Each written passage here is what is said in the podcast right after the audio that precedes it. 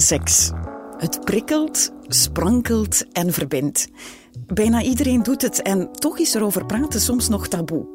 In deze Highland podcast, Mijn Superseks, doorbreken we dat taboe en vertellen lezers het waargebeurde verhaal over hun beste seks ooit.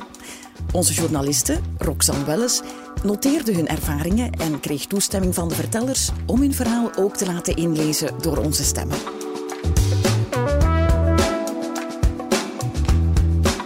Deze aflevering hoor je Geert die Alba meeneemt op een kinky avontuur dat Fifty Shades doet verbleken.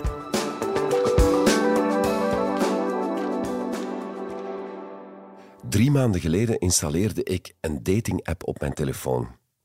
En had ik in mijn biografie benadrukt dat ik wel te vinden ben voor kinky. Op een bepaald moment had ik een match met een Italiaanse, Alba. Een prachtige vrouw van 36 met een hoge functie bij de overheid. Het klikte. Zij was net naar haar familie in Italië vertrokken om op bezoek te gaan. Dus die drie eerste weken konden we niet afspreken, maar sms'ten en belden we. Tegen de tijd dat ze terug in het land was, wisten we perfect wat we met elkaar van plan waren.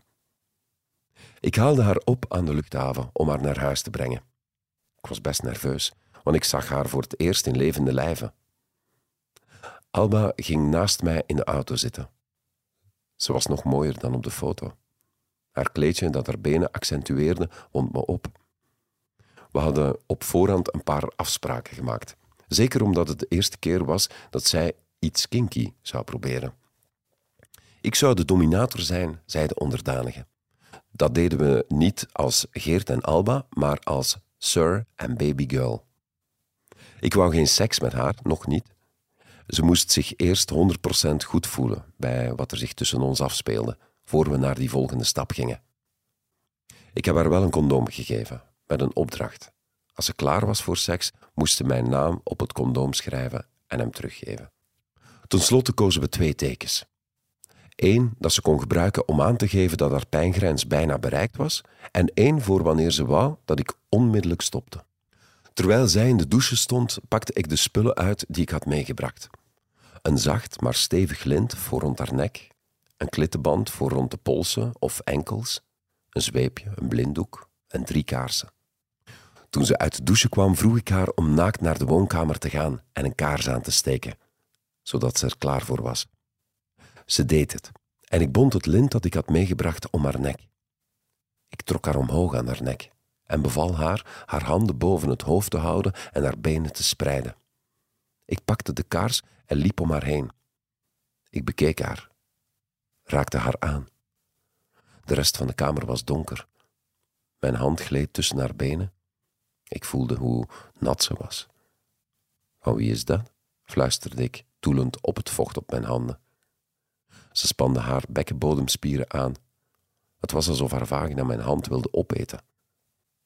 Van jou, zei ze. Ik streelde haar borsten en haar armen en stak twee vingers diep in haar mond. Ik trok haar zachtjes mee naar de slaapkamer, waar ik haar vastmaakte op bed, haar armen en benen wijd gespreid. Ik heb haar zo een paar minuten laten liggen, terwijl ik haar plaagde tot haar lichaam trilde van genot. Daarna deed ik haar armen los en gaf ik haar twee kaarsen in elke hand een, een rode en een witte. Ze wist dat ze niks mocht doen als ik daar niet de opdracht toe gaf, anders zou ik haar straffen. Klaarkomen was bijvoorbeeld verboden, net als haar haar uit de weg doen.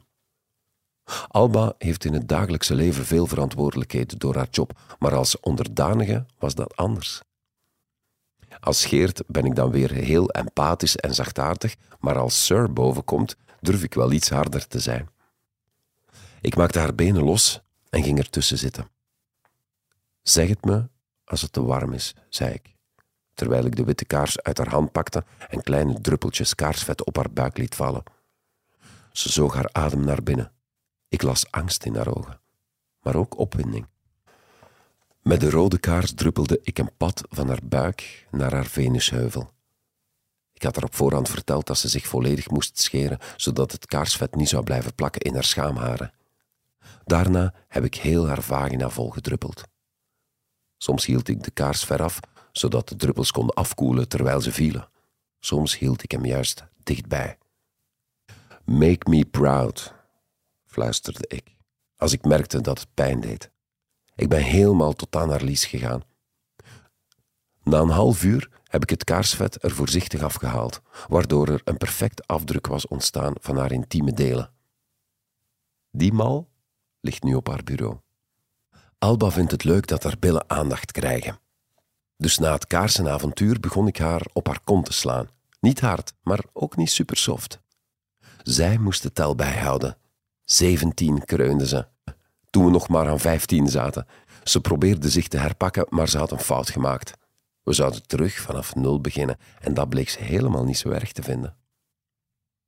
Op een bepaald moment zei ik haar dat ik haar toch ging neuken. Ik had nog altijd ondergoed aan, maar zij was geblinddoekt. Ik scheurde een condoom open naast haar oor, zodat ze dacht dat ik echt van plan was om bij haar naar binnen te gaan. Ik had haar keel stevig vast en begon mijn heupen op en neer te bewegen op haar bekken. Ze kreunde en zuchtte terwijl ik tegen haar aanschuurde met mijn onderbroek nog steeds aan. Ik wil niet dat je geluid maakt, zei ik. Maar natuurlijk lukte dat niet altijd. Dus dan had ik weer een reden om haar te straffen. Naarmate de avond vorderde, kreeg ik nog meer respect voor haar. Hoe ze die pijn van die kaarsen verbeet. Hoe ze bewoog zoals ik wou dat ze bewoog, maar zichzelf nog niet volledig gewonnen gaf. Ik ben die nacht bij haar blijven slapen. Ze is in mijn armen gekropen en in slaap gevallen. We hebben zelfs morgens gedoucht samen. Ik heb niet veel one-night stands gehad, maar meestal is het de dag nadien ongemakkelijk. Dat was toen totaal niet. Nu zien we elkaar nog altijd, bijna dagelijks. Het is intussen ingewikkelder geworden omdat er langs beide kanten gevoelens zijn. Maar als Sir en Babygirl samenspelen, dan zijn die moeilijkheden er niet. We doen zo'n sessie eens in de twee weken. Meestal stuur ik haar op voorhand een uitnodiging. Dat is deze week nog gebeurd. Ik heb haar toen gevraagd om, voor ik aankwam, op de knieën te gaan zitten in de woonkamer, een kaars aan te steken en een glas wijn klaar te zetten. Ik wou dat ze panties en een top droeg, zonder BH. Je vraagt je misschien af hoe we Sir en Baby Girl blijven onderscheiden van Alba en Geert. Wel, ik kocht haar een parfum dat ze kan dragen om het te laten weten als ze wil dat Sir komt. Als ik op mijn beurt wil dat Babygirl komt, zet ik het flesje in het zicht. En zo hebben we altijd goede afspraken.